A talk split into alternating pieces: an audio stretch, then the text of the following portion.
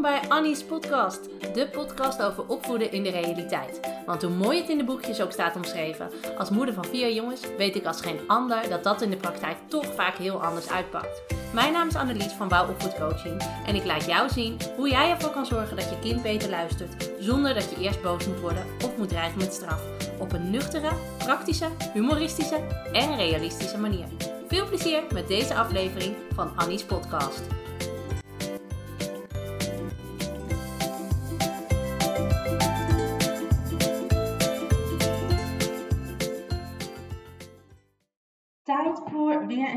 En dit wordt een bijzondere aflevering, want ik ga vandaag met je delen waar ik eigenlijk naartoe wil met ehm, mijn bedrijf. En dan zou je denken, ja, eh, leuk man, wat eh, kan ik daarmee? Maar daar kan je een heleboel mee, want ik heb jou daar namelijk voor nodig.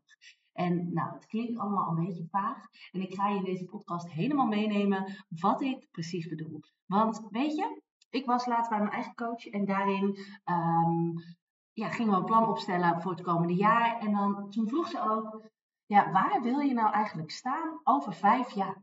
Nou, als je me een beetje kent, dan weet je dat ik bij dit soort vragen ga stijgen. Want ik kan daar helemaal niks mee. Weet je, waar wil je staan over vijf jaar? Ik ben al blij als ik weet wat ik volgende week ga Ik ben veel te impulsief, veel te veel in het moment en veel te veel in het, ja, weet je, ik leef veel te veel in het nu om daarover na te denken ik, ik ben niet zo'n grote dromer. Het is niet zo dat ik denk, over vijf jaar wil ik dit bereikt hebben en dat bereikt hebben. Weet je, ik wil gewoon mensen helpen. En uh, uh, ik vind mijn werk super leuk om te doen. Ik vind het ook leuk als ik uh, met mijn kinderen leuke dingen kan doen. Ik, ik heb niet, ik ben niet in die zin mega ambitieus dat ik, dat ik veel weet waar ik over vijf jaar sta.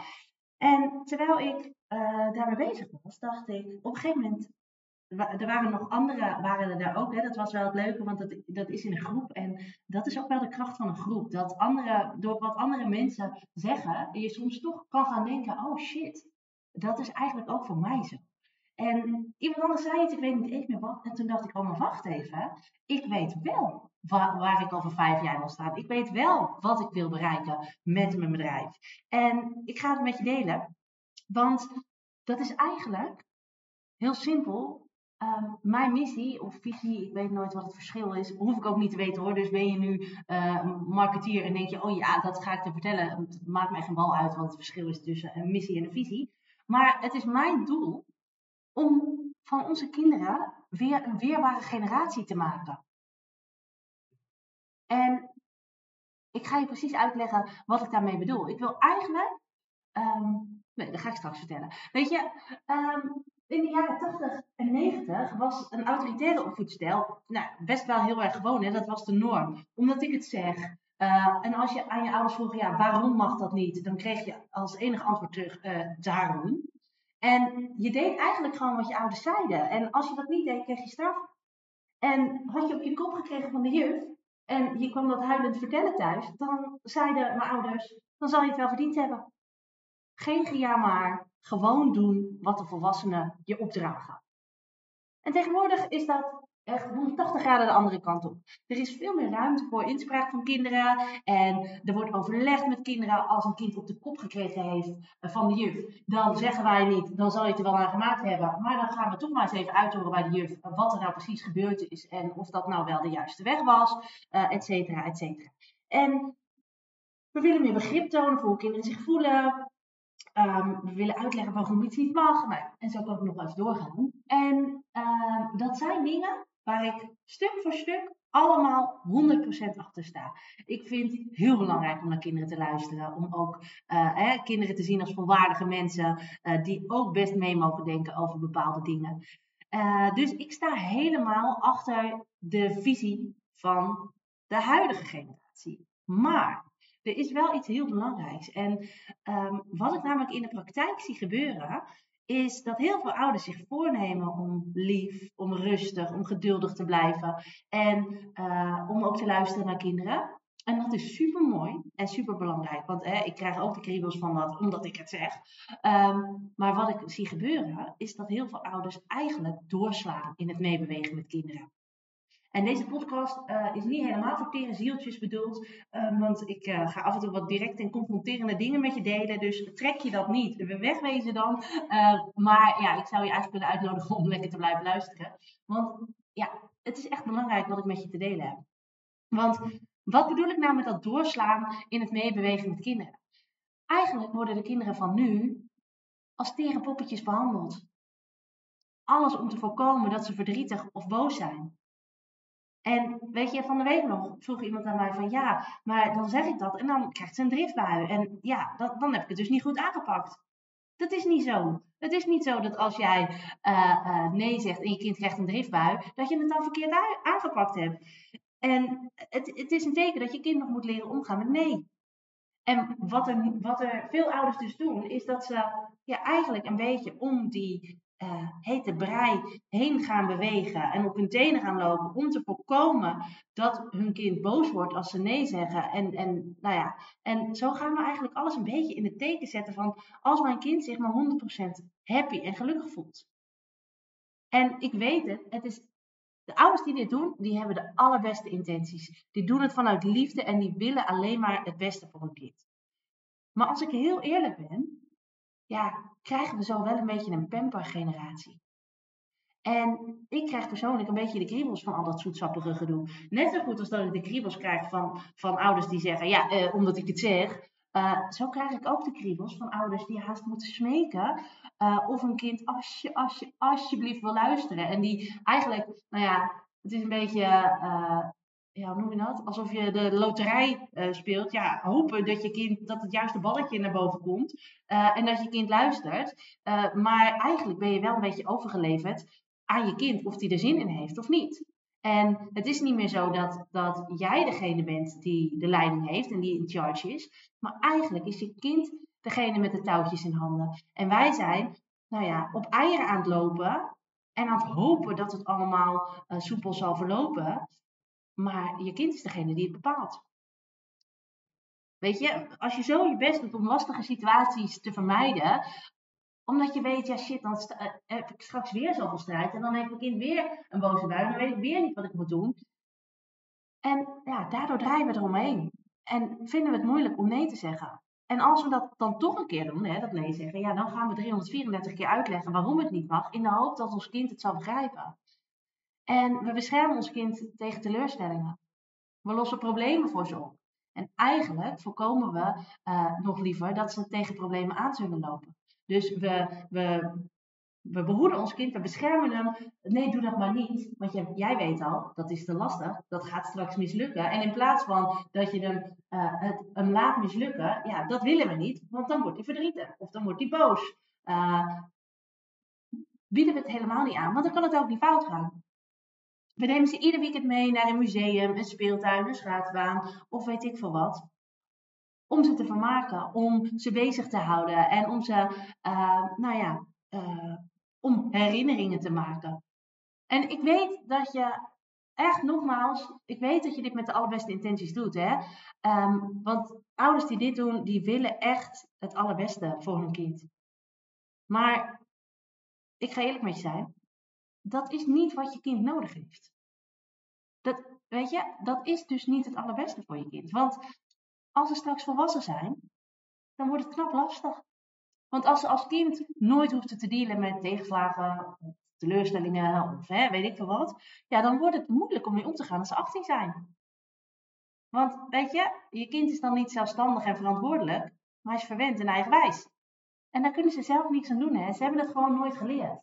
Dat is een beetje hetzelfde als, als, hè, als jij je kind heel vaak meeneemt naar de speeltuin of altijd spelletjes met ze doet of hè, ze constant bezighoudt. Ja, dan is het logisch dat ze niet zelfstandig kunnen spelen. En dat ligt niet aan je kind, maar dat heeft hij nooit geleerd. Want ieder vrij moment wordt volgepland. Dus kijk eens terug naar bijvoorbeeld de afgelopen kerstvakantie. Hoeveel van die dagen waren volgepland met BSO, met activiteiten, met logeerpartijtjes, met nou ja, weet ik van wat. En hoeveel momenten ben je ook gewoon thuis geweest en heb je niks gedaan? Weet je, straks hebben we een hele generatie die gewend is dat alles gaat zoals zij het graag willen. Die als prinsesjes en als prinsjes behandeld worden en die denken dat de wereld om hen draait. En heel eerlijk, ja, daar hebben we er al wel genoeg van rondlopen op deze wereld. Ja, ik zei het al, uh, ik ga een beetje confronterend zijn. En nou ja, dit moest er gewoon even uit, weet je.